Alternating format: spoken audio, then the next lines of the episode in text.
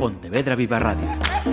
Cara a cara. Damas y caballeros, la Asociación de Directores de Informativos de Radio y Televisión da la bienvenida a Joel Cava.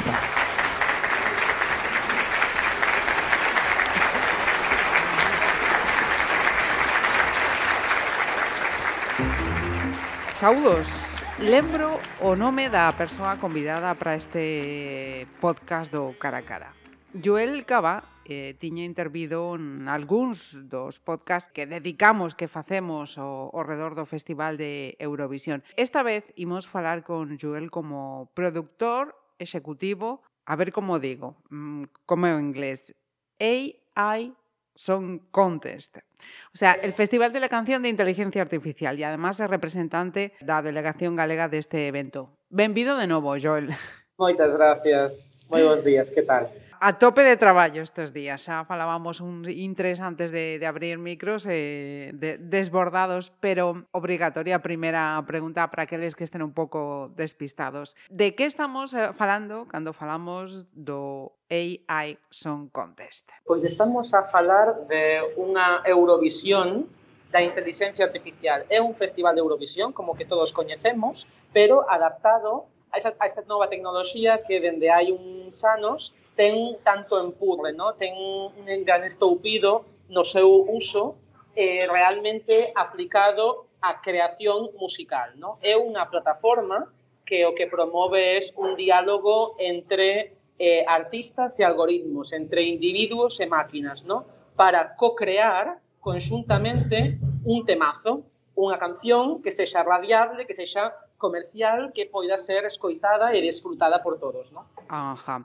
Antes de entrar o, o contido, as formas deste Song Contest, esta a, que vai ter lugar eh, este fin de semana é a cuarta edición e a primeira vez como evento presencial. Por que eh, eh, este cambio e por que Galicia? Pois, eh, en primer lugar, por que este cambio? No? É a primeira edición 100% presencial. Uh -huh eh, porque, bueno, este festival naceu no 2020, eh, co estoupido da pandemia, e claro, daquela, o Países Baixos, eh, a televisión pública neerlandesa, era responsable de acoller e celebrar o Festival de Eurovisión. Ajá, lembro. Pero que eh, cancelalo por mordo da COVID.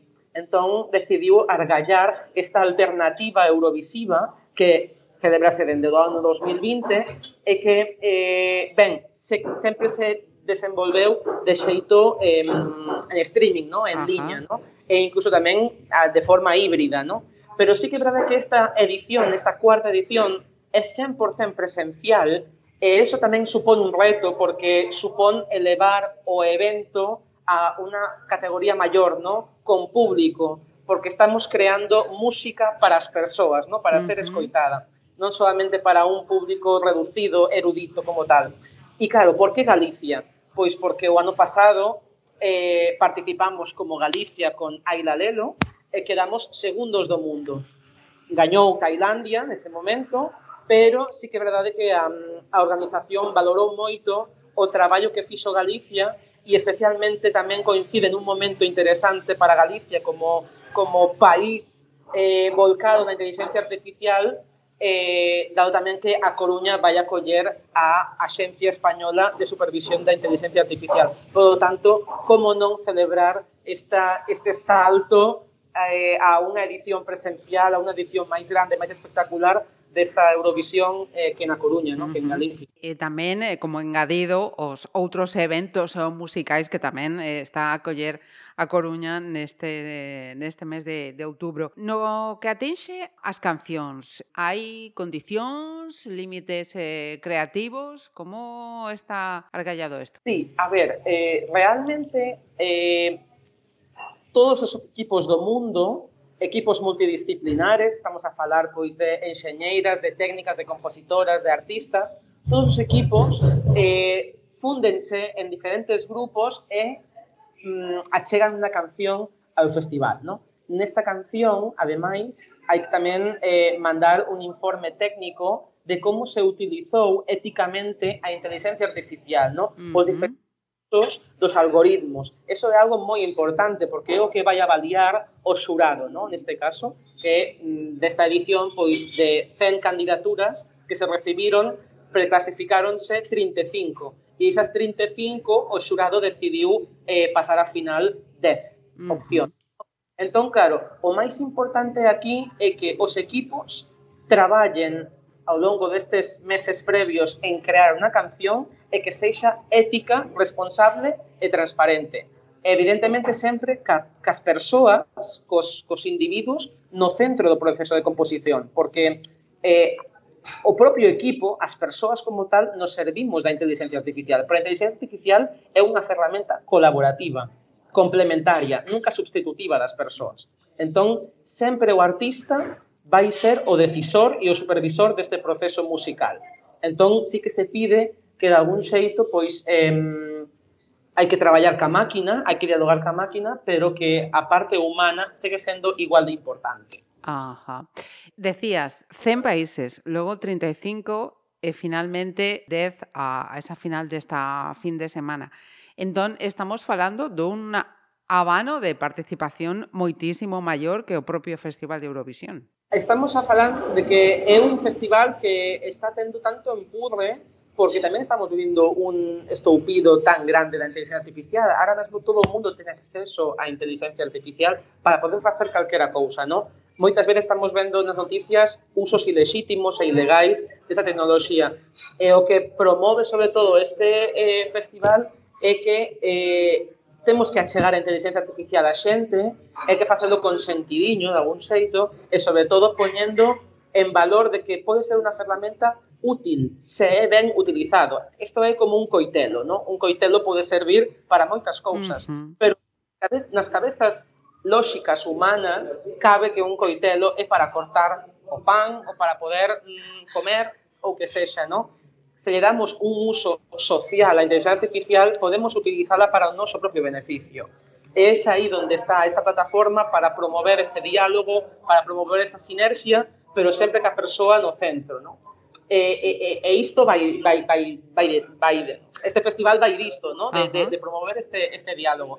Sí, é verdade que, claro, nos atopamos con países de todo o mundo. Temos a Estados Unidos, temos a eh, India, temos a Canadá, temos eh, Suecia, Reino Unido, eh, Países Baixos, temos moitos países do mundo interesados e especialmente eh, os que máis están apostando por este tipo de tecnoloxía. E entre eles tamén está unha candidatura española e unha, unha candidatura galega. Ajá. Entón, eh, dez candidaturas vanse eh, bater por conseguir este trofeo final eh, e tamén, evidentemente, pois, ao longo deste mes de outubro o público tamén poido votar pola súa canción favorita. Ajá. Ah, ata que data pode ata facerse? Ata o día 30 de outubro, o sea, mm. é dicir, hoxe. Hoxe. vale, pois pues, eh, temo que eh, isto estamos grabando a pé de luns. Ah, síntese. Queda estar eh, porque presencialmente podes acudir aínda ou xa non rematou o prazo para poder estar en Coruña a fin de semana.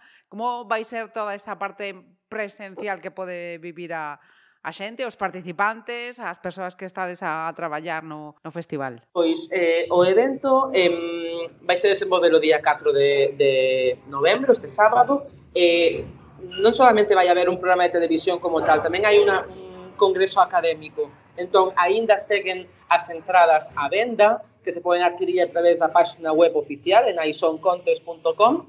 Eh, mm, ben, a cuestión é que Durante a mañán e a tarde do sábado vaise desenvolver unha serie de charlas e de debates alrededor da inteligencia artificial, no? especialmente pois sobre o uso ético, eh, digamos tamén se van facer eh, diferentes eh, eh relatorios eh, sobre como a inteligencia artificial pode axudar a, a, a garantir a supervivencia da, das culturas minorizadas, neste caso, eh, diferentes eh, enfoques sobre esa tecnoloxía que especialmente pois, nos repercuten no noso día a día, ¿no? E sobre todo para que a xente perda ese recelo que, que ten cara a esa tecnoloxía.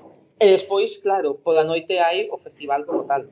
Perfecto. Decías a televisión, ou sexa que entendemos que tamén vai vai haber unha retransmisión ¿Dónde? ¿Cómo? ¿A qué hora? Para aqueles que no podas, no podan estar o no podamos estar presencialmente. Pois poderás seguir o festival por RTV Play eh, ás 10 da noite en streaming, tanto polas canles de Televisión Española como polas canles oficiais do, do festival. Ajá, vale. Eh, agora imos a, a parte máis eh, próxima, ¿no? Eh, quería preguntar, eh, esto foi en Galicia, porque aí la lelo quedou como quedou o pasado ano, Pero que pasa co representantes coa canción de deste ano? Contanos. Que pasa con Flores Piña? Pois Flores Piña ven representada por Ana Quillo, Eh, e Ana Quiro non está entre nós dende hai 13 anos. Entón, o que fixemos, de alguna maneira, é se o ano pasado o que traballamos foi, digamos, unha candidatura eh, bueno, pois volcada na promoción da nosa lingua, da nosa cultura, este ano quixemos facer algo un pouco máis, ir un pouco máis alá, no? e queríamos facer unha homenaxe, e non hai ninguén máis representativo e máis importante na música galega que Ana Quiro, ¿no? Pola súa trayectoria es, tamén especialmente tamén polos seus valores, ¿no? É un pouco como a boa de todos, ¿no? En Galicia. Ajá. Eh, especialmente gustábanos eh, facer este traballo a, a favor e, e para facer unha homenaxe, un tributo a Ana, porque sempre foi unha muller moi adiantada ao seu tempo, ¿no? Eh, eh, tivo non o tivo nada fácil para poder defender os seus valores, no? de galeguismo, de progresismo, de feminismo, eh, e foi unha muller moito, moito imuda, no? para defender o que realmente ela pensaba.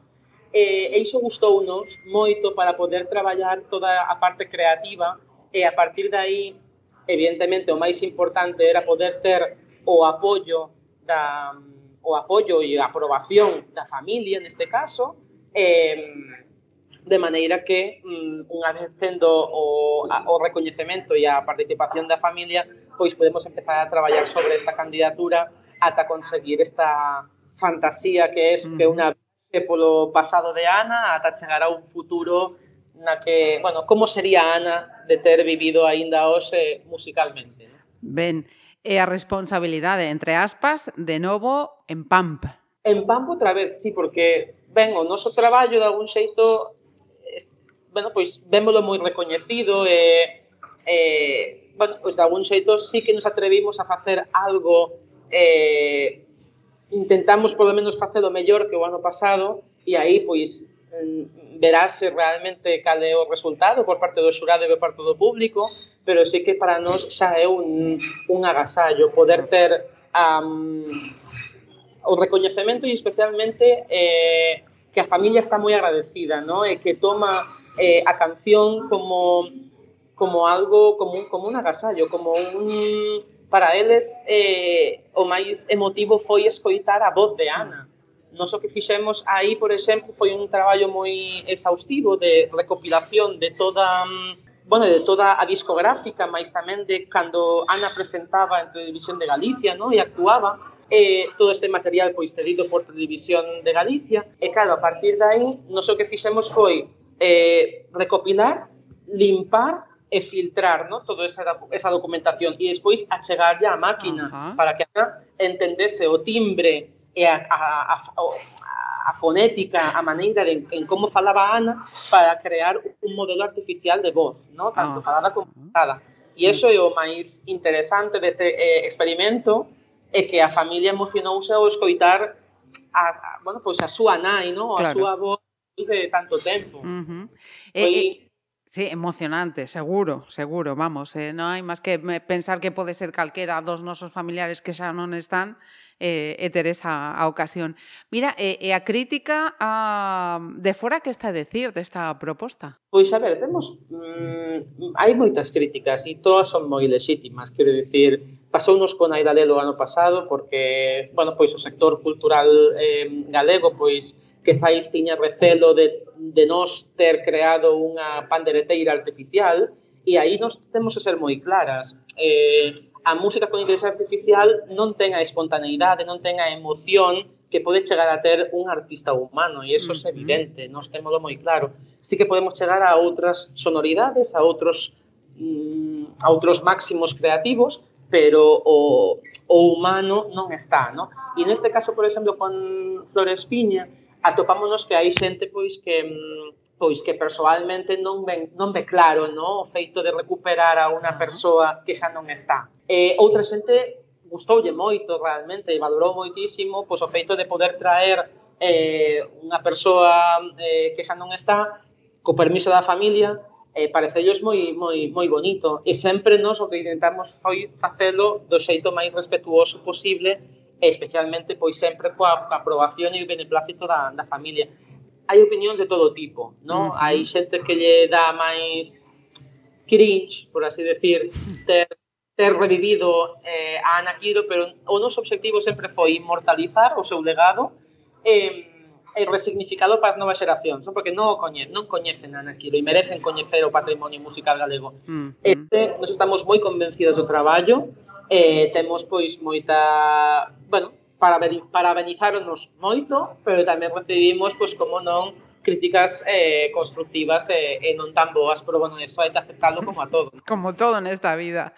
Pois eh, Flores Piña está entre esas 10 candidatas a finais para levarse o, o premio desta cuarta edición do I.A. Song Son Contest, ese Festival de la Canción de Inteligencia Artificial.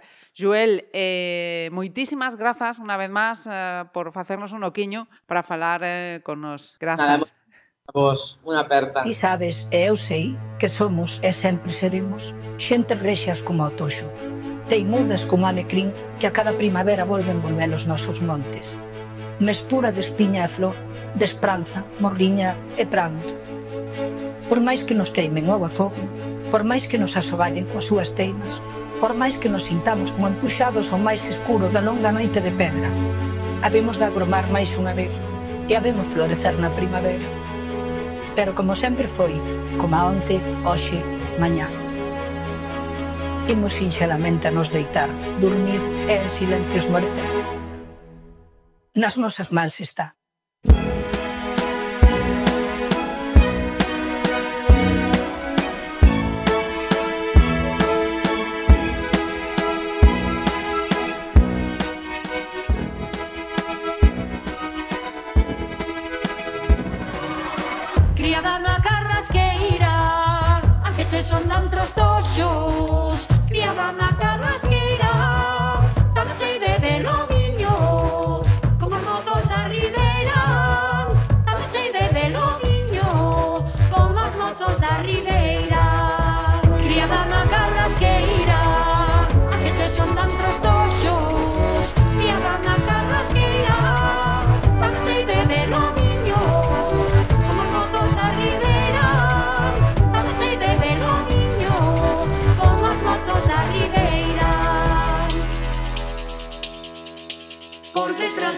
eu sou